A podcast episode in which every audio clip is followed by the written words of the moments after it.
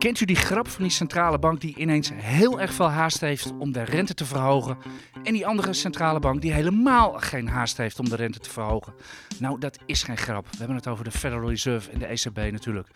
Welkom bij de IEX Beleggers Podcast. Het is vrijdag 11 februari. Het is rond de klok van 1 uur. De EIK staat min 0,7 op ongeveer 757. Mijn naam is Aartje Kamp, ik ben marktcommentator van IX en ik heb twee gasten vandaag. Nee, helaas, Niels Koets, hij is er niet, hij is ziek. We gaan straks wel even met hem bellen natuurlijk, want hij is wel gewoon up en running. Ik heet welkom hier eh, Robert Manders van IG, maar niet namens IG. Hij staat hier gewoon op eigen titel. Wij vinden het leuk als jij meepraat. We kunnen goed met je overweg in deze podcast. je bent altijd een uh, welkome aanvulling. Dus uh, welkom, welkom Robert. Dankjewel Arjan. En, en hier staat ook mijn collega Erik Maurits. Hij is hoofd van de beleggersdesk van, van IEX. En met ons drieën gaan wij, gaan wij vandaag de beurzen hoog houden. Want het was wel weer een weekje deze week.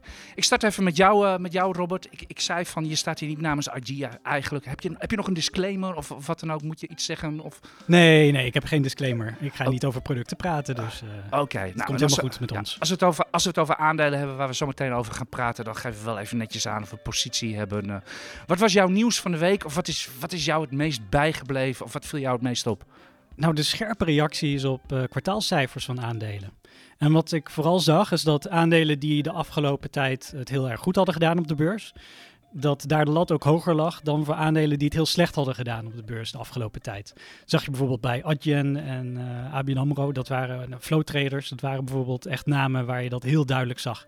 Dat verschil in, ja, in, in wat, wat er eigenlijk verwacht werd door beleggers misschien. En wat de, wat de koersen deden en uh, wat er verwacht werd officieel volgens de analisten. Ja, ja, ABN AMRO ging keihard onderuit en Adyen ging juist weer heel hard weer ja, precies. Want flow traders, double digits onderuit. In veel gevallen lag de, lag de, lagen de resultaten wel dichtbij de consensus van de analisten. Maar je zag dat die reacties heel scherp waren. Bijvoorbeeld Adyen ging sterk omhoog. Um, omdat het aandeel denk ik ook de afgelopen tijd slecht had gedaan om, door de rente. Maar ja, beleggers komen er nu achter, ja, die rente die uh, brengt geen geld in het laadje, linksom of rechtsom, haalt er ook geen geld uit. Het gaat uiteindelijk gewoon om de kwartaalresultaten. Nou, we hebben al bijna helemaal Adyen behandeld. Uh, die komen zo meteen nog een keer tegen. Erik, jouw kennende, jij was van de week vast wel gespitst op rente, inflatie, dat soort dingen. Uh. Zeker. Ik vond het nieuws van de week de scherpe reactie op de inflatiecijfers in de VS. Die kwamen gisteren uit. En voordat die cijfers uitkwamen, werd er ingeprijsd door de markt dat er een 25% kans was in maart van een renteverhoging in de VS met 50 basispunten. En daarna was het 90 Dus het, de markt is, 100. Is, 100 kan denk ik niet, maar uh, de, de, markt is uh, vrijwel zeker van uh, 50 basispunten verhoging. En daarop gingen meteen de koers van aandelen omlaag. Dus dit blijft wel het centrale thema voorlopig in de markt. Hoe, hoe verklaar je dat? Als even snel voortborduren. Want de consensus voor de inflatiecijfer was 7,3, het werd 7,5 daar zit niet zo heel veel tussen. Jawel, maar het bevestigt dat uh, waar, de, waar de markt bang voor is, namelijk uh, meer renteverhogingen dan nu worden ingeprijsd, dat dat juist is. En dat het misschien wel nog meer kan zijn. En dat de Fed misschien achter de curve aanloopt, dat ze gewoon te laat zijn. Oké, en dan gaan we het hebben, oh, komen we natuurlijk al snel bij de ECB uit. Daar was deze week ook wel het een en ander te doen. Gaan we zo verder. Ik neem even de agenda mee voor deze, nog even, nog even de agenda voor deze podcast. We gaan het over veel aandelen hebben, waar er veel cijfers. We gaan het natuurlijk hebben over ArcelorMittal, populair aandeel op IEX. Adyen, Robert begon er al even over.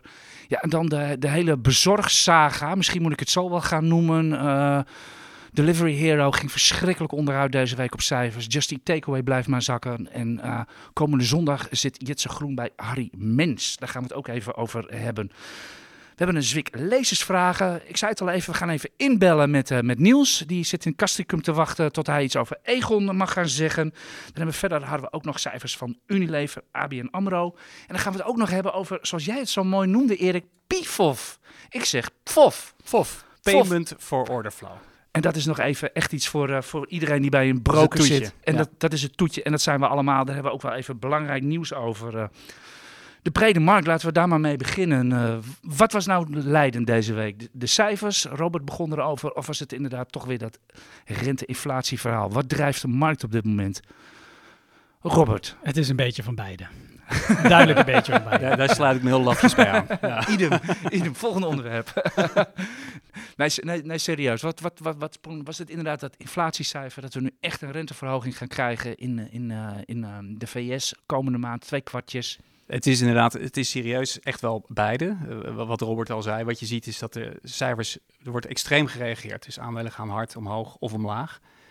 En daaromheen is de achtergrond, muziek, is toch wat gebeurt er met inflatie en rente. Dus elk cijfer wat bevestigt dat de inflatie hoger is dan verwacht, waardoor er waarschijnlijk renteverhogingen komen, dat heeft een negatief effect op de markt en vice versa.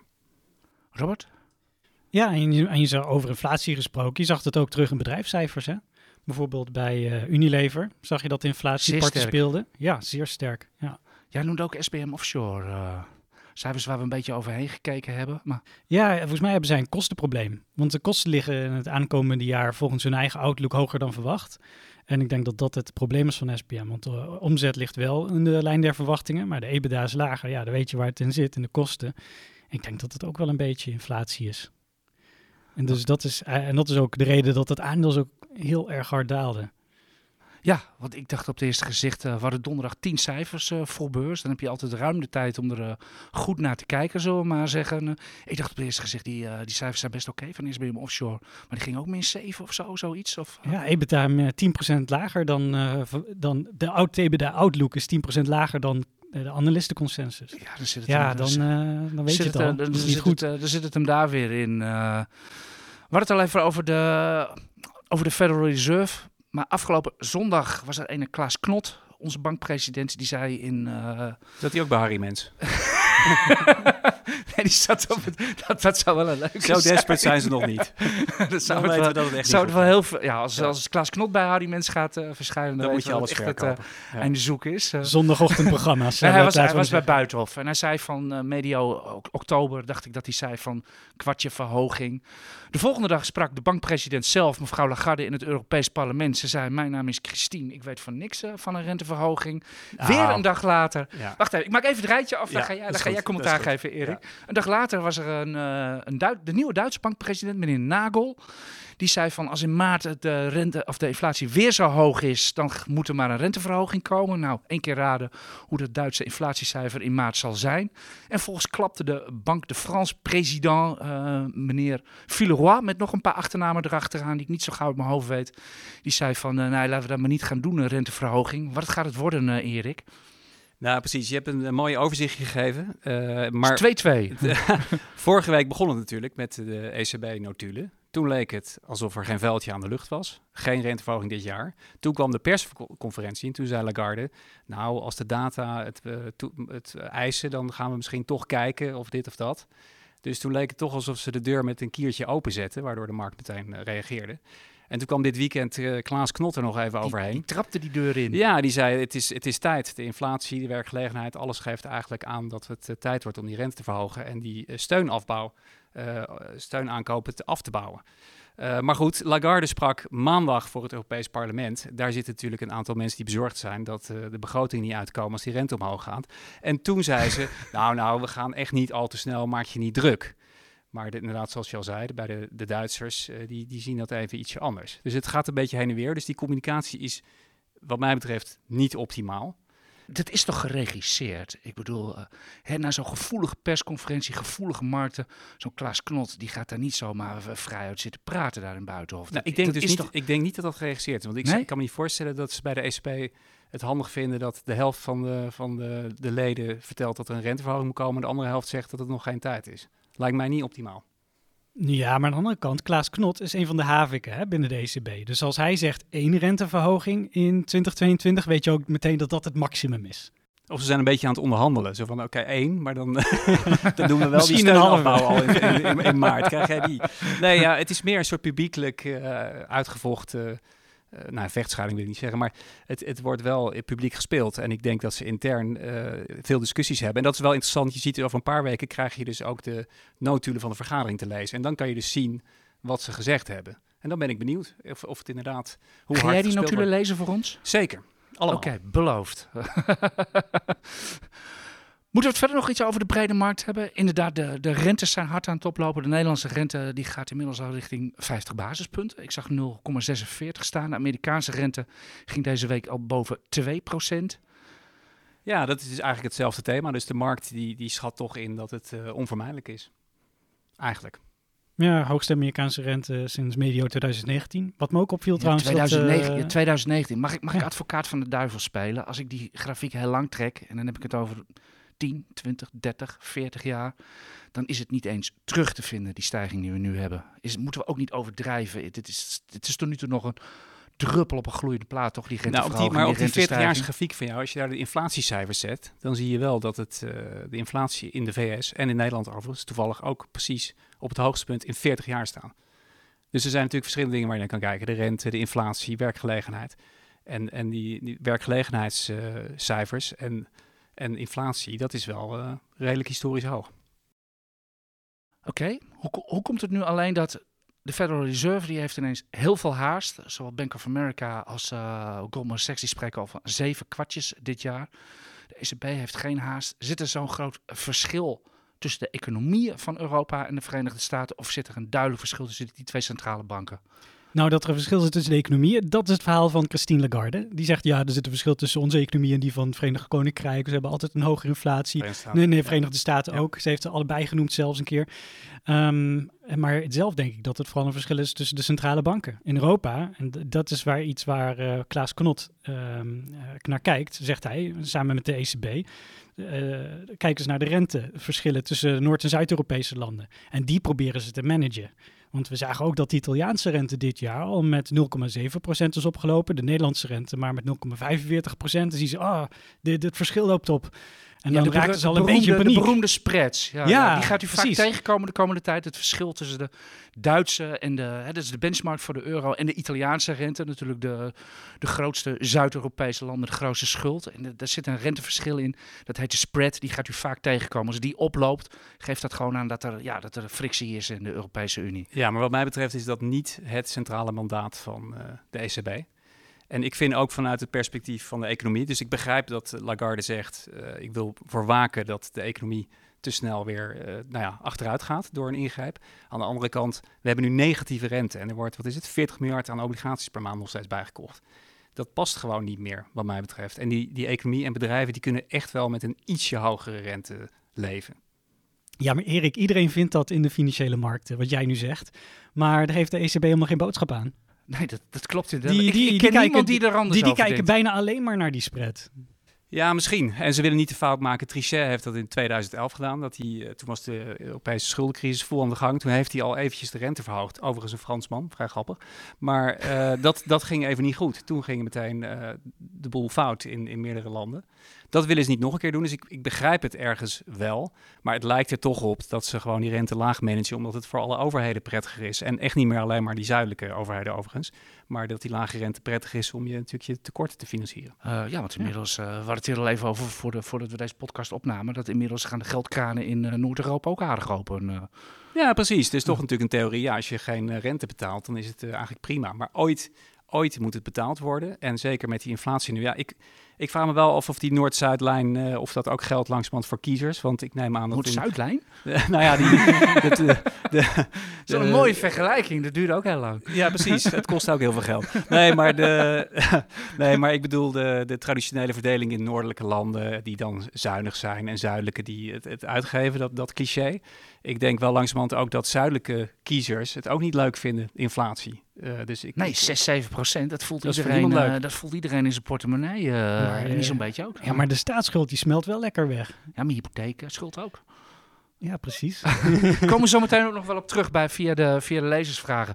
Zullen we naar de aandelen gaan, uh, heren? Want we hadden een behoorlijk lijstje. En dat is denk ik toch wat het best altijd het leukste vinden om, om te volgen. Wij houden van aandelen. En een heel populair aandeel op EX.nl, waar kun je er heerlijk in handelen, is ArcelorMittal. Van de week uh, waren de cijfers van, uh, van ArcelorMittal. En die waren blow-out laten we het zo maar noemen, de winst vervier of vervijfvoudigd, et cetera. Ik zag de cijfers voorbij komen en het eerste wat ik dacht van, jeutje, zulke, zulke goede cijfers bij ArcelorMittal, top van de cyclus. Robert, klopt dat? Dat denken beleggers wel. Ik, ik denk dat beleggers wel denken dat uh, het de top van de cyclus is. Als je kijkt naar die koers-winstverhouding van Arcelor, of naar, zelfs als je kijkt naar de cashflow, naar de kaststroom, de vrije kaststroom van ArcelorMittal, staat het nog steeds op iets van 4,5, 5 keer de vrije kaststroom. Dat is best goedkoop. Dus dat betekent dat beleggers verwachten dat de winsten, eh, dat de kaststroom in de toekomst gaat dalen. En niet alleen beleggers in Arcelor denken dat, ook beleggers in staal zelf denken dat. Als je bijvoorbeeld kijkt naar staalfutures, dat zijn eigenlijk contracten waarmee je in de toekomst staal kan kopen. Die laten zien dat staal in de toekomst goedkoper is dan staal vandaag. Dus dat betekent eigenlijk ook dat ArcelorMittal volgens beleggers, volgens de markt, uh, prijsdruk gaat zien in, in, het komende jaar. Dus uh, vanuit dat perspectief. Misschien denk toch ik deflatie dat dus wel, eigenlijk. ja, het, het is eerder, nou ja, het is eerder zo dat die, het is, het is eerder zo dat die prijs zo enorm hard is opgelopen Ja. In de eerste instantie. Eh, Maar die pieken die bijvoorbeeld in Noord-Amerikaanse staalprijzen zagen we in augustus en sindsdien zit dat eh, gewoon op een glijbaan. Ja, de roemruchte economische cyclus natuurlijk, waar de staalindustrie heel erg mee te maken heeft. Dat doe je natuurlijk op. Eh, de ten value trap valt heel vaak bij ArcelorMittal. Is dit wat, je, wat jij ook zegt? Dat het, zijn absurd lage multiples bij ArcelorMittal, koers-winstverhoudingen, dat soort dingen. De, waar we het eerst naar kijken als het om waarderingen van aandelen gaat. Is dat, is dat die value trap die zo genoemd wordt? Kun je, kun je dat uitleggen? Ja, value trap is een aandeel dat heel erg goedkoop lijkt, maar eigenlijk overgewaardeerd is, nog steeds. Eh, of dat voor ArcelorMittal is, die overwaardering, of dat geldt, ik weet het niet. Het is, het is lastig. Want je kan ook bedenken vanuit het andere perspectief, als de staalprijzen een beetje gelijk blijven, dan is ArcelorMittal nog steeds een heel goedkoop aandeel. Als de staalprijzen zes maanden lang niet zakken, dan eh, lopen ze bij ArcelorMittal denk ik wel binnen. Eh, beleggers. Met, nou oké, dan gaan binnen, krijg je wel een flinke, oké, dan krijg je misschien een koerswinst van eh 10, eh 15 procent of zoiets. Maar gaan ze gewoon in ieder geval twee kwartalen goed verdienen? Dan gaan Ja. ze goed verdienen, ja. Dan blijven ze zeker goed verdienen als de staalprijzen gelijk blijven. Maar dat is het hele punt. Je weet het niet. En met ArcelorMittal hebben we in het verleden gezien dat het een supercyclisch aandeel is. Dus van een winst van eh, ja, wat we nu eh, zien, kunnen ze zo weer eh, over twee jaar weer flinke verliezen schrijven. Ja, ja, nou ja, als een winst met in een jaar tijd kan vervoudigen, dan kan die natuurlijk ook gewoon imploderen in een Ja, jaar. Dus, Precies, als de economie zou- tegen zit, China implodeert, je, noem het maar op, alles kan gebeuren. Hoe vaak heb jij, eh, je bent het, we kennen natuurlijk jou in de markt natuurlijk vooral natuurlijk nog van de turbo's van BNP Paribas. Hoe vaak heb jij je vingers gebrand met turbo's ArcelorMittal? Want het is natuurlijk een waanzinnig populair aandeel om turbo's op te doen of opties of wat dan ook. Nou, het is grappig dat je het zegt, want ik, ik handel zelf ook eh, wel in turbo's. Ik ben geen, eh, geen vegetarische slager, of was het in ieder geval niet. Maar eh ArcelorMittal heb ik me nooit, nooit aangebrand. Ik heb daar eh, weinig mee. Gebrand zeg je ook. Ja, Ja, ik doel daarop, het heeft, de, het heeft de hoogte beta heeft het van de AX-aandelen. De beta is de mate waarin het tot de benchmark eh, reageert. Het, ArcelorMittal heeft een beta van 2. Dat betekent dat de beweging al twee keer zo hard gaat dan de, dan de AX. Dus dat is dan met een hefboompje erbij. Dat is toch heerlijk, Erik? dat, dat kan heel fijn zijn, ja. Maar ik heb wel een soort basisregel dat ik beleg alleen dingen waar ik het idee heb in ieder geval dat ik er verstand van heb. En dat, ik heb eh, geen, eh, geen visie op de staalprijzen de komende zes maanden. Dus ik, eh, ik sla ArcelorMittal zelf over. Heb jij dat nog wel bij ArcelorMittal? Is dit een aandeel om nu nog te kopen? Of, of, eh, Nee, ik ben, ik ben er redelijk neutraal over. Over Arcelor. Het, het is zo erg gedreven door de grondstoffenprijzen, door de algemene economische stand. En dat is gewoon moeilijk te voorspellen. Dus daar brand ik mijn vingers niet aan. Oké, dan, gaan we, dan gaan we naar een aandeel wat eh, veel gestager is wat dat betreft. Adyen, financial. Ik vond het prachtige cijfers. Ik vind het, ik, vind het, ik vind het een prachtig bedrijf, ik vind het een prachtig aandeel. De, de, de goede lijntjes bij Adyen gaan allemaal van linksonder naar rechtsboven. En het is omzet, dat is winst, dat is cashflow, et cetera. Maar de koers ligt dit jaar heel, heel, heel slecht. Hoe, hoe kan dit? Hoe Tot kan de cijfers, tot de cijfers. Dus de, met, met de markt mee eigenlijk. Ik bedoel, Adyen is natuurlijk een groeiaandeel. Zo wordt het in ieder geval gezien, en terecht ook. En eh, tot de cijfers ging het inderdaad relatief hard omlaag. Maar de cijfers waren erg goed. Dus de omzet dan met 70% toe, tweede helft van Maar het was toch vorig helemaal geen verrassing dat die cijfers gewoon goed zouden zijn?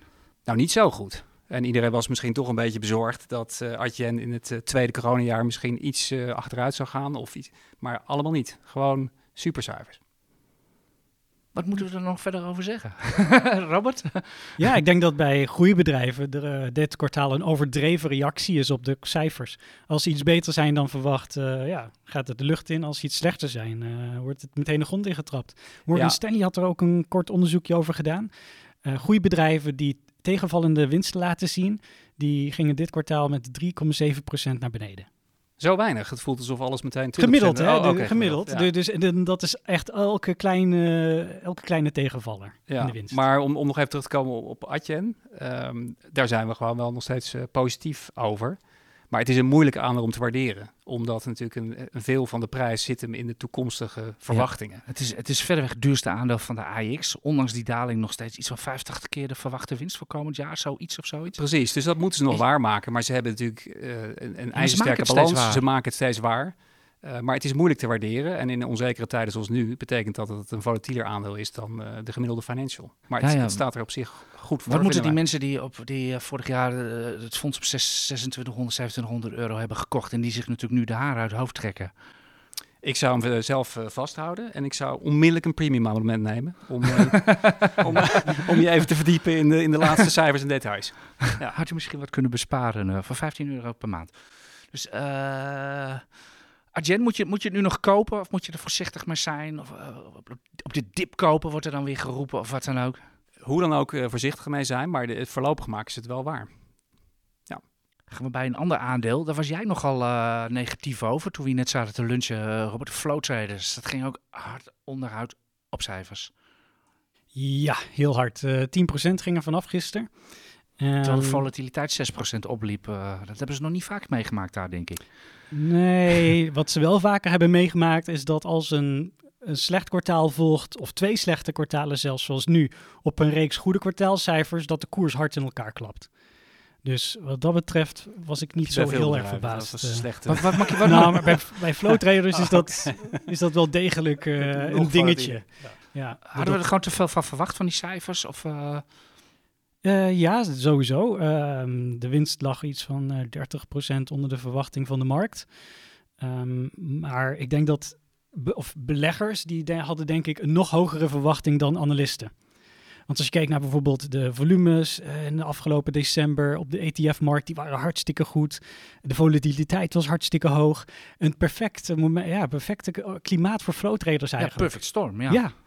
En dat ze dan nog ja, zo teleurstellen. En ook het dividend was lager. Dus dat, dat hakte behoorlijk in. Waar zit in het probleem emotie, volgens jou? Het gevoel van beleggers. Heb jij de vinger op kunnen leggen? Kun, kun je het zien? Eh, het grootste probleem zat in Noord-Amerika. Daar haalden ze de laagste marge eh, sinds hun beursgang. En dat in een kwartaal waarin alles goed leek te gaan. Dus de beleggers gaan zich dan achter de oren krabben en denken: ja, wat is dan de toekomst van flow traders? Want het is een trend dat die marge in de Verenigde Staten jaar na jaar gemiddeld lager wordt. Ook als je corrigeert voor de volatiliteit. Dus op de langere termijn wordt dit een heel erg ja, moeilijker verhaal. Een veel moeilijker verhaal. Hoe, hoe komt het in Amerika? Is de concurrentie daar zo moordend? Of, eh, Ik denk dat dat zeker een rol speelt. Ja. Bij X zijn we ietsje positiever eh, hierover, toch?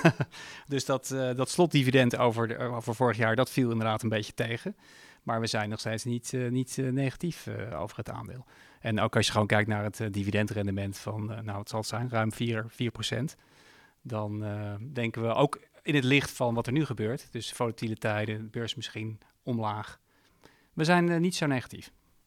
Nee, nee. Ik, ik, ik zeg vaak van eh flow traders is een, is een eh, aandeel wat ik geen enkele portefeuille mist. Waar tenminste 15 aandelen in zitten. Omdat het zo'n mooie hedge is. Zijn het saaie markten, heb je er niet zoveel aan. Maar juist in volatiele markten, als de rest naar beneden gaat, dan heb je een mooie hedge aan, eh, aan flow traders. Klopt dat? Of is dat te kort door de bocht? Ja, dat klopt wel. Het is een hele goede hedge tegen marktvolatiliteit. Ja, dat zag je ook natuurlijk in eh, vorig jaar of tw- 2020. Toen hebben ze natuurlijk een topjaar gehad met een superdividend. Eh, en dat was natuurlijk het jaar dat eh, de beurs, eh, wat was het, 40% onderuit ging door corona. Ja, ja, dat, is, het ja dat is natuurlijk wel waar je op moet letten bij, eh bij traders. Het is natuurlijk niet een echt, echt dividendaandeel. Het is niet dat jaar op jaar dat dividend groeit, maar het is gewoon wat ze ieder kwa- kwartaal verdienen. Maar vrij Dat, steady hebben ze toch een, ja. een hoog dividend. Ja. Dus het is gewoon maar wat ze aan winst halen en dat wordt gewoon gedeeld met u. En, en nou, ja, en als het dan een kwartaal een beetje tegenvalt, dan is, het, is er gewoon minder te, minder te verteren. Voordat we naar de lezersvragen gaan, doen we nog even ja, misschien wel het meest heikele onderwerp wel op het uh, Damrak. Tenminste, ik merk zelf bij ons op de site, op IX, en bij mezelf op Twitter, dat de lontjes bijzonder kort beginnen te worden bij uh, Justy Takeaway. Topman Jitse Groen is uh, kop van Jut. Die wordt, uh, nou, wordt gewoon verrot gescholden op Twitter. Laat ik het beestje maar gewoon bij zijn naam noemen. Inmiddels zijn wij bij IX, uh, wordt er ook al naar ons gewezen. Wij zouden het forum manipuleren, et cetera. Je kent het, Erik. wel, zo gaat dat in het wereld. Ik zie jou ook al lachen, Robert. Krijgen jullie ook al klachten? Of, Nee, nee. En dat bedoel nee. ik dan bij IG, Dat, zeg maar? dat, dat valt wel mee. Maar het is ook niet zo dat we, dat we heel erg positief zijn geweest over Just Eat Takeaway uh, toen uh, de koers heel erg hoog stond. Dus dat scheelt denk ik ook oh, dus weer. dat maakt voor jou wel uit. Sommige mensen hebben daar misschien meer last van, maar uh, dat, dat viel wel mee. Ja, Maar- jij, jij verslikte je net in je broodje onder een lunch toen ik tegen je zei van weet je dat Jitse Groenzondag bij Harry Mens zit. Zullen, Ja. we daar, zullen we daar het onderwerpje Just Eat Takeaway, Delivery Hero en ook Uber mee beginnen? Ja, ik denk dat het, als je bij Harry Mens gaat zitten als eh, CEO van een bedrijf, dan denk ik, hm, waarom gaat hij dat doen? Eh, Ik denk dat hij, dat hij zichzelf ook een beetje zorgen maakt om de koers. Wil hij niet gewoon zelf de regie houden van het hele gesprek? Hè, ik bedoel in de regel, Maar je, kies, je, kies je dan voor Harry Mens, is de, de ja, maar je, betaalt daar en je kan gewoon je eigen verhaal houden. Ik denk, niet- nee, ja. ik denk niet dat hij betaalt. ja, nou, Ik denk het niet. Je denkt dat, dat Harry hem bestel, besteld heeft. heeft. Dit zou weet zeker ik- nou, meenemen, dat, mag dat je weet ik niet. ja. Maar het- misschien eh, hebben ze elkaar getroffen. Eh, en, Public relations, iemand dacht, dit is de Ja. manier. Ik denk wel dat het de eerste keer wordt sinds tien jaar dat ik ga kijken. Want ik ben wel benieuwd wat hij te vertellen Ja, heeft. absoluut. Ik kijk ook. Ja. Eh, ik ben overigens zelf helaas aandeelhouder van Just Eat Takeaway, qua disclaimer. Maar ik ga zeker even meekijken. Die cijfers van Delivery Hero, het aandeel ging min 30. Ja, Just Eat Takeaway is niet het enige bezorgaandeel wat finaal door de putje is gegaan. Het is wel als eerste gaan dalen, maar DoorDash, wat pas eind 2020 naar de beurs ging, is ook volledig gedecimeerd. Er waren van de week wel goede cijfers van Uber en die hebben voor het eerst aan bezorgen verdiend. Dat zag ik in de, in de gauwigheid. Ik heb niet goed naar gekeken naar die cijfers. En Morgan Stanley is voor 5% in eh, Uber gedoken. Worden de bordjes verhangen, eh, Robert? Just Eat Takeaway echt een probleem? Ah, ik denk dat Just Eat Takeaway wel een probleem heeft naar aanleiding van de Delivery Hero cijfers van, eh, van gisteren. Kun je dat uitleggen? Ehm, Delivery Hero die eh, zakte gisteren met 30%. Eh, vandaag ging er nog eens 14% af eh, tegen het middaguur. Jeu. Dus in totaal 39% lager. Dus Just Eat heeft het eigenlijk relatief gewoon heel goed gedaan. Ja, defensief bezorgaandeel. Inderdaad, het is een defensief bezorgaandeel. eh, zou je bijna kunnen zeggen.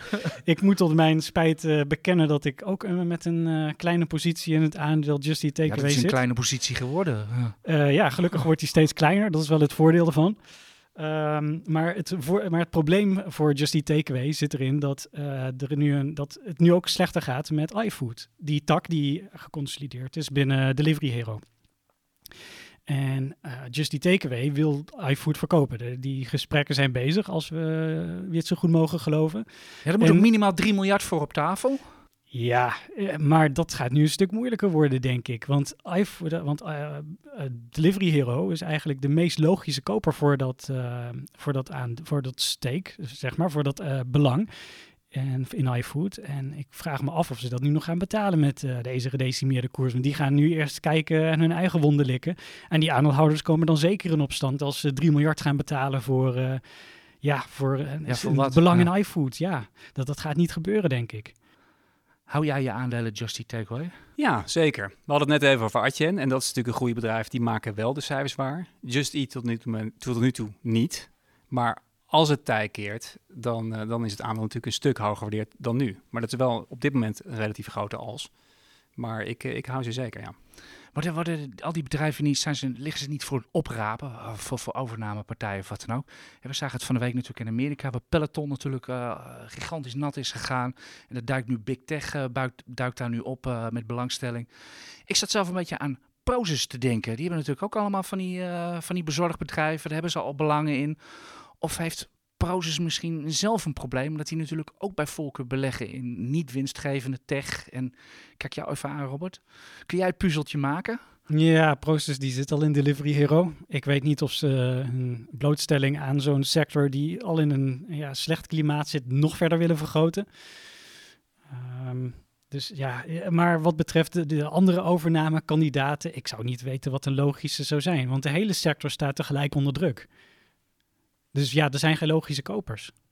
Er zijn geen logische kopers. En nog even. En buiten ja, de beurs ja. zijn er ook niet, niet uh, partijen met zulke grote zakken die zomaar 10 miljard op tafel kunnen leggen voor een uh, Just Eat Takeaway bijvoorbeeld.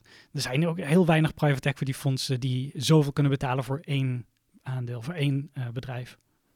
Oké, dus ik, ik noem het al even. Uber had wel goede, of, uh, relatief goede cijfers. Heb jij, heb jij daar naar gekeken of niet? Uh, nee, niet, niet, niet, echt. Dus uh, nou, laten we het daar, nog verder ook maar niet over hebben. Want dan gaan we, dan gaan we uit de duim praten. Dat lijkt me verstandig of niet. We kunnen niet alles. We gaan door naar de lezersvragen.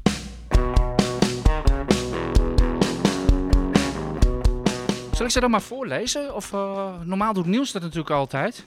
Ik heb, ik heb een vraag van een Belgische lezer. Ja, we, hebben best wel veel lu Belgische luisteraars. Of Vlaamse, dat ligt ook weer gevoelig allemaal. Uh, even kijken, die begint over die schulden. Dat is natuurlijk het ECB-verhaal. Die zegt van, ja, jullie in Nederland, ik het maar even heel populair zijn vraag vertellen. Ja, jullie in Nederland wijzen naar de Zuid-Europese landen met hun schulden. Maar jullie in Nederland hebben ook, zeker bij de particulieren, een enorme schuldquote. Hebben jullie niet precies hetzelfde probleem als die zuidelijke landen, is zijn vraag eigenlijk.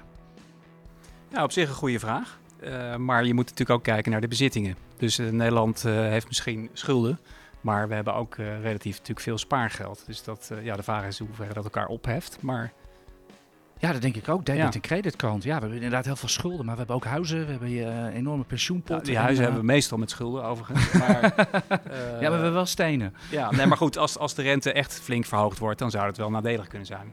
Om, omdat dan waarschijnlijk die huizenmarkt ook omlaag gaat. Maar uh, het saldo, we zijn nog steeds hard aan het sparen met z'n allen in Nederland. Gek genoeg, ja. alles. Ja, ongelooflijk. Dus, 500 miljard of zo ruim, geloof ik zelfs. Dus uh, Robert, jij iets over deze vraag? Of, uh, die ja, overigens van, uh, ik moet even de naam voorlezen natuurlijk, dus dat is altijd wel leuk. Meneer Patrick van Roei uit Vlaanderen, denk ik dan. U zit in de uitzending. En dan heb ik er even een hele praktische vraag van, jeetje, hoe spreek ik dat uit? Chiclana. Oké, okay, jij zegt het. waarom verkoopt Ben van Beurden, en dat is natuurlijk de CEO van, van Shell, verkoopt 190.000 stuk aandelen, terwijl hij ze ondergewaardeerd vindt? Robert, nou, dat weet ik helemaal niet. waarom die ze verkoopt. Maar is mevrouw van Beurden jarig? Ja, maar, maar, tijdens mijn studie heb ik dit uh, gehad al in een vak. Uh, corporate governance. En dan, er zijn onderzoeken, academische onderzoeken geweest. Vertel. Naar, uh, naar Ben van Beurden? Nee. nee naar, naar managers van beursgenoteerde bedrijven en hun aankoop- en verkoopgedrag. En of je naar aanleiding van het aankoop- en verkoopgedrag gedrag kan zien of het aandeel ondergewaardeerd is, overgewaardeerd is, of het een goed moment is om te kopen of niet. Wat blijkt? Uh, als een uh, manager verkoopt, is dat helemaal geen signaal. Dan is dat geen enkel signaal waar je iets uit kan halen. Waarom? Uh, misschien wil hij wel een jacht kopen, Ben van Beurden, je weet het niet. Een jacht, gevoelig onderwerp. Ja. Een huis in Londen. ja, een huis in Londen, ja, inderdaad. Vol, volgens mij is dit gewoon het antwoord, een huis in Londen. Had, twee maanden geleden had, had Ben van Beurden, had, stond, zijn huis stond gewoon op Funda in Wassenaar, heel leuk op het trekje. 6,4 miljoen geloof ik. Ja, wat koop je nou voor 6,4 miljoen in Londen? Een garage. Ja, een parkeerplaats. Inderdaad. Dus misschien dat hij ja. daarom wel, uh, ja, of een Precies, van, ja, ja, wat we al zeiden. Maar misschien, maar, denkt, hij, misschien denkt hij wel, de olieprijs staat nu uh, hoog, de, die, die spanningen nemen af. Wie weet. Maar, dat weet, maar je weet het gewoon niet. Dat is meer het punt. Wat trouwens ook leuk is om te weten als een bestuurder aandelen aankoopt, is dat wel een positief signaal. Want er is maar één reden waarom een manager aandelen in zijn eigen bedrijf zou kopen. En dat is omdat het ondergewaardeerd is. Dus Precies, van zijn eigen ja, geld. Ja, dat is wel belangrijk. Ja, dat zijn de roemruchte, roemruchte insider trades. Die, uh, die, die komt hij ook nog af en toe. Dus we moeten pas echt gaan opletten als hij weer uh, terug gaat kopen. Ja, ja precies. Oké. Okay. Goed, dan hebben we nu een vraag van Henk de Denk. Wie anders? Zouden jullie adviseren je overwaarde van je huis te beleggen? Extra details, nu komt het. Je bent jong, nou dat geldt dan niet voor ons, maar... En kan je hypotheek verhogen en kan er nog prima vijf jaar wonen in je huis. Beleggen met geleend geld. Jij hebt heel veel disclaimers geschreven in je leven. Uh, Erik, kijk jou aan. Henk de Tank, ik zou het niet doen. Dat is mijn uh, korte antwoord. Tenminste, ik weet niet wat uh, exact de situatie is, maar ja, over vijf jaar, dat klinkt uh, toch relatief kort. Er kan van alles gebeuren. Ja, mijn persoonlijke mening is uh, bij twijfel niet doen. Robert? Het lijkt me een slecht idee. In principe is dat, uh, is, in principe is beleggen met geleend geld uit hun boze. Jammer, de rente is zo laag nu ik denk dat het voor de gemiddelde, voor de gemiddelde Nederlander het is niet, moeilijk handig, te zeggen. Je niet moet het, handig is om te gaan doen. Je moet het eigenlijk met een adviseur bespreken. Ja. Het, hangt, het is heel specifiek. We kunnen hier natuurlijk geen adviezen geven. Maar mijn eerste reactie is uh, dat het niet verstandig is. Nee. En dan is er ook nog een verschil tussen beleggen met geleend, geleend geld en beleggen met geleend geld uit je huis. Want ja. uh, misschien vergeet je dan dat het eigenlijk geleend geld is. En we vergeten nu ook dat de rente nu aan het stijgende is. En daardoor kunnen de huizenprijzen dalen. En als je over vijf jaar je huis probeert te verkopen, kan het wel eens zijn dat die onder water staat. Of als je je hypotheek wil uh, vernieuwen, een nieuwe rente wil krijgen. Ja. En banken die gaan dan uh, gewoon zeggen, oh wacht, uh, je hypotheek staat onder water. Dat betekent dat je nergens anders naartoe kan. Dus wij verhogen de rente. En er is ook een verschil tussen beleggen met geleend geld in Adyen en beleggen met geleend geld in Just Eat Takeaway. Dus het gaat ook nog even om, wat, wat doe je dan precies ja, met dat? Ja, uh, nou, maar, goed. maar inderdaad, ga naar schiet me nou net te binnen. Ik heb zelf acht jaar geleden mijn huis verkocht. En heb ik ook al, eigenlijk bijna al mijn aandelen verkocht en in mijn eigen huis gestoken als, als cashgeld. Want anders was ik gewoon met geleend geld aan het beleggen. En toen was de rente nog 5%. Dus, uh, zo erg is het niet, maar het gaat erom dat je het, dat je het kan dragen, het risico. Uh, van dus, geleend geld. Ja. Dus daar gaat het mee om. Maar goed, ik denk dat ons algemene antwoord uh, wel genoeg is. Doe maar niet, in principe. Wat hebben, wat hebben we nog meer? Uh, Karel Vinders. Oh, dan beginnen we weer over de shorters. Nou, die beginnen. nou, dat is een heel verhaal, maar in ieder geval, het shortlist. Ik vind hem dagelijks in mijn morning call op IEX, de, de shortlist. Wat moet je daar nou als belegger mee? Heb jij dat ook gestudeerd, dit, dit verhaal? Want ik denk dat je er helemaal niets mee kan met het aantal shortsellers in dat register. Maar ja, en dat register. Uh, volgens mij is het wel zo dat als een aandeel heel veel shorters heeft aangetrokken, dat dat wel een negatief signaal is. In ieder geval een signaal om extra op te letten. Maar verder, ja, ik uh, besteed er verder niet heel veel aandacht aan. Uh, nee, als er ergens veel short uitstaat bij een aandeel, dan moet je gewoon even goed nadenken van, hé, hey, ik ben heel erg long en heel erg vast op een aandeel. Er zijn gerenommeerde partijen die precies tegenovergestelde denken. Dus hou daar gewoon heel erg rekening mee. Wat natuurlijk dus, anders is vorig jaar met dat GameStop-verhaal. Want toen zat de totale short-positie was toen meer dan 100%. Dat is extreem. Dat ja, kan hier niet. zelfs, ja. Dus dat is natuurlijk een iets andere situatie. Maar in Nederland is het, uh, ik weet niet eens wat het maximum is, maar ik denk niet dat er nu meer dan ergens een short positie nee, ik geloof dat, ik 15, geloof dat, ik geloof dat bij PostNL PostNL staat geloof ik de meeste short uit op dit moment. Uh, okay. Een van die aandelen. Ja, en dat is dus inderdaad, het is gewoon niks anders. Uh, u bent heel enthousiast over PostNL. Ja, er zijn gewoon hedge funds die, die twijfelen gewoon aan de cijfers. Die denken dat PostNL veel moet investeren. Dat het dividend misschien niet houdbaar is. Ja, die, die kijken gewoon anders tegen het aandeel aan. En wat dat betreft moet u misschien nog een nachtje over slapen over uw PostNL-belegging. Het is het is wel altijd een signaal van dat er partijen zijn die heel erg overtuigd zijn en daar ook hun geld op zetten, dat ze anders denken. Oké, dat, waren, dat, waren de, dat waren de luistersvragen. Ik denk dat het hoogste tijd is om met, uh, met Castricum, met Niels te gaan bellen. Uh.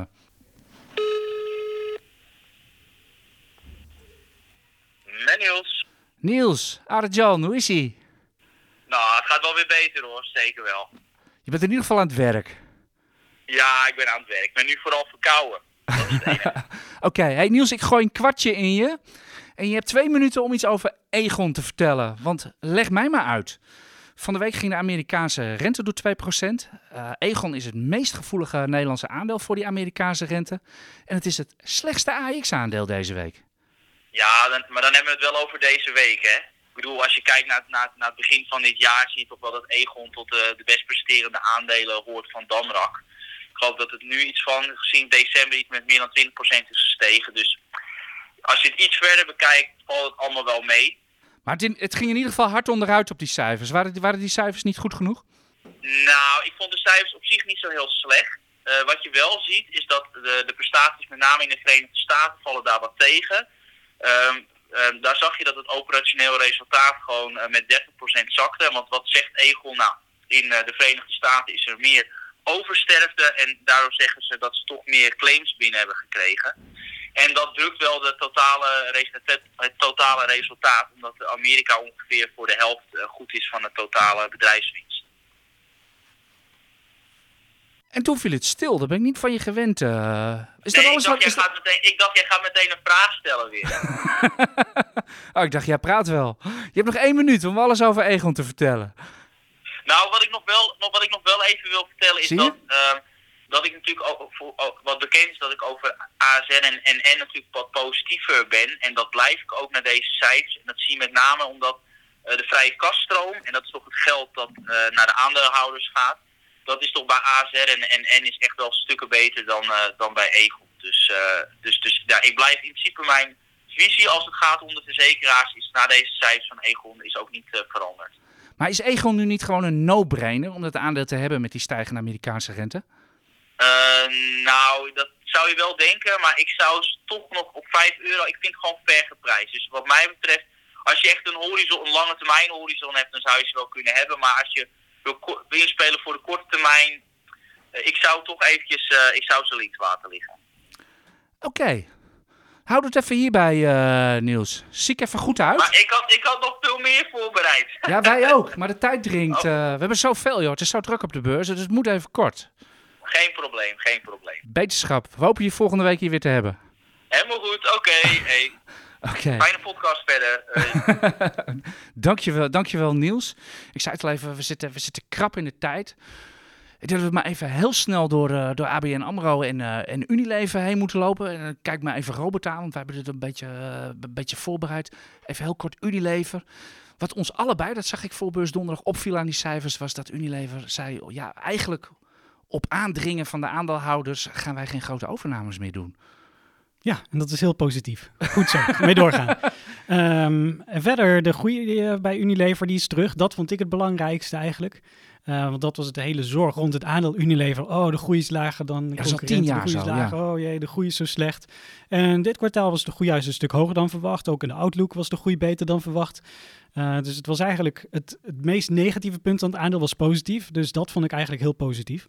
Ehm, wat er wel tegenviel was de, om, was de outlook van de operationele winst. Die viel tegen omdat ze inflatie krijgen, te- maken krijgen met flinke kosteninflatie. Die willen ze nog niet helemaal doorbreken in het eerste jaar. En daardoor eh, zakt het aandeel wat gisteren. Maar alsnog, als we kijken over de afgelopen twee dagen, AX min 1,8%, Unilever plus 0,5%. Nou, nog steeds een aardig resultaat. Eh, Voor de beleggers ja, ik in moet, eerlijk, Unilever. ik moet eerlijk zeggen, het, het verbaast me wel een beetje Ja. dat, eh, dat Unilever eh, zo slecht ligt. Of het doet eigenlijk gewoon helemaal niks. Want ja, er zit best wel wat fantasie in. En eh, door al deze aandeelhoudersperikelen. En eh, ja, het is natuurlijk een concern wat ontzettend veel waarde heeft. Ze betalen ook gewoon 4% dividend. Ze gaan aandelen inkopen. Dat is ook iets van 2% in, in twee jaar. Komt er allemaal bij. En eh, ja, en, toch is het niet vooruit. Al die merken die erin zitten. Er is heel veel waarde in die tent. Maar blijkbaar wil niemand eraan. Misschien is het toch niet zo'n gelukkige keuze dat Londen. Nee, denk, jij, denk jij dat het daar niet in zit? eh? Eh, Ik zit privé in het aandeel, eh, even ter disclaimer. Dus ik ben niet zo heel negatief over het aandeel. Nee, die kun je volgens mij, dit is toch een no-brainer op lange termijn, denk ik. Maar goed, in ieder geval op korte termijn komt het er niet uit. ABN AMRO, onze analist eh, Martin Krum, die vond het een beetje een mixed bag. Die cijfers wel voldoende, maar wat, wat plussen en wat minnen. En die, zei, en die zei ook in zijn stuk van, eh, ja, eigenlijk ABN AMRO is eigenlijk te klein om nog een echte speler van betekenis te worden. Ze hebben Goldman Sachs ingehuurd om een mooie koper te vinden, maar het zou mij niet verbazen als er eerder een koper voor ABN AMRO komt. Ben jij het daarmee eens? Ja, zou best kunnen. Zou best kunnen. Ehm, waarderingen in Europa van banken lopen op. eh, zakken worden gevuld met winst. Eh, het gaat weer goed. Waarom niet? Nou, bijvoorbeeld omdat de Nederlandse staat nog een heel groot eh, belang heeft. Ja, precies. En dat vond ik juist interessant. Ja, die dat 56 procent in totaal de- nog. de- dat Kaag open leek te staan voor het verkopen van die aandelen. Ja, dat is, eh, dat is Ja. in feite wat er nu gaat gebeuren. Dus die, eh, dat, balanceert dan een beetje de inkoop van eigen aandelen door ABN AMRO zelf. Ja, voor 500 miljoen. het zal op een iets andere koers zijn dan eh, de staat het voor heeft aangekocht. Maar Ja, daar gaan de rekensommen van 25 euro over, over hoger rond. van, zelfs. ja, 26. Dus ja. dat is ook wel weer heel discutabel. Maar goed, dan heb je een, heb je een beetje een idee van hoe, de, hoe de staat erover denkt. Vond jij de cijfers goed of niet? Ja, het- het, het de is- cijfers goed. Onderliggend waren de cijfers goed. De rentemarge, de kosten, de commissie-inbaten. Alles was eigenlijk boven Ja, ze- hebben- verkoop van het gebouw was allemaal... Ja. Ja. Ja, maar Het dat is- het is- zat het is ook al in de natuurlijk wel verwachting. gewoon- het is natuurlijk ja, wel dat zat ook in de Het verwachting. is hè. natuurlijk wel Dat gewoon is krimp, hè, Ja. wat, wat ABN AMRO doet. Het is gewoon weer een kleine Nederlandse retailbank Ja, het als je het op wat langere termijn kijkt, dan hebben ze het gewoon slechter gedaan dan ING over de afgelopen paar jaar. Dus eh, ik zit zelf in ING en ik overweeg ze niet te gaan ruilen eh, voor ABN AMRO. eh. Jij zit er alleen maar in trackers. Eh, ja, ja, ook. Maar mijn vrouw wil een paar jaar geleden een paar aandeeltjes Ah, hebben. Dus ik heb, ik heb trekkers en ik heb ook ING, Shell en eh, ASML. Maar die zijn eigenlijk van mijn vrouw. Oké. Dus, eh, dus ja, het zijn maar kleine posities. Dat was ook een overigens. lezersvraag. Maar het is wel een leuke. Eigenlijk zitten we al aan de tijd, maar we doen gewoon even een bonus. We zijn ook met z'n drieën, want het is gewoon een heel erg leuk onderwerp. In ieder geval, het zal u zeker interesseren als belegger. eh, want bij welke brokers zit u waarom en eh, de kosten altijd. U bent er ongetwijfeld altijd mee bezig waar u het beste uitkwam. En van de week was het, kwam de AFM, die kwam met een rapport uit over de zogenaamde PFOF, of PFOF, zoals ik dat zei. De Payment for Order Flow. En dat is een term die we sinds GameStop vorig jaar allemaal kennen. Exact. Erik, jij, jij hebt je erop ingelezen. Je hebt zelfs met de AFM gebeld. Vertel, waar ben je allemaal achtergekomen? Ja, de AFM heeft inderdaad een rapport geschreven. De ESMA heeft vorig jaar gewaarschuwd voor payment for order flow omdat er mogelijk een conflict of interest is. Dus uh, de klantorder wordt verkocht aan een market maker die daar dan geld mee verdient. Ja, even voor de goede orde. Hè? Alle orders van uh, nou, de particulieren, zeg maar, die gaan op een grote hoop en die gaan dan naar de market maker. En ja, wat er dan gaat gebeuren, weet niemand. Geze gezegd is, is dat het verhaal. Uh, het voordeel voor de klanten is dat het vaak gepaard gaat met extreem lage transactiekosten. Dus de zogenaamde neo-brokers, dus de nieuwste brokers van deze wereld, die maken hier veel gebruik van. En die kunnen daarvoor aanbieden dat je tegen nul transactiekosten handelt. De downside is dat je niet precies weet wat die andere partij aan je verdient. Dus er zitten uh, haken en ogen aan. En de AFM heeft nu een onderzoek gedaan. En daaruit blijkt dat, uh, nou, ze hebben gekeken naar twee van die venues waar dit op plaatsvindt. Waarschijnlijk in Duitsland, maar het staat er niet bij. Twee, maar er zijn een heleboel. Ja, het, het, is een lang verhaal. Ik, ik ga er wel iets over schrijven. Dus uh, premium leden, let op. um, maar in ieder geval, uh, bij de ene was het zo dat op een orde van 3000 euro hadden ze berekend dat het 1,44 euro aan extra kosten opleverde. En bij de andere 3,46 euro. Maar wat ze er niet bij hebben gezegd, is uh, de totale kosten.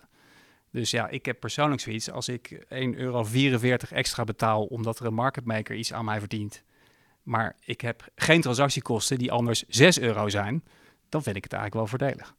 Dus ik was eigenlijk niet heel erg uh, door het rapport onder de indruk van hoe erg het allemaal is met die PFOF. Maar ik begrijp wel dat de AFM zich op zich hier zorgen over maakt, want er kan een conflict of interest zijn. En het, de praktijk is in Amerika al jaren aan de gang. En grappig genoeg, een van de eerste voorvechters van deze praktijk in de jaren 80 was Madoff. ja, die Madoff. Is het toch een kleine wereld? Ja, dus uh, dat... Alleen daarom al zouden er misschien warning bells moeten zijn. Maar ik moet je zeggen, ik heb naar het rapport gekeken en ook gezien die, die prijzen.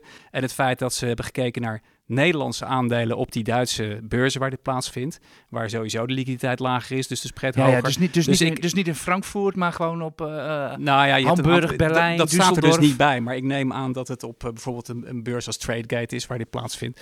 Maar goed, ik was dus niet uh, direct heel erg onder de indruk, maar ik begrijp wel de zorg.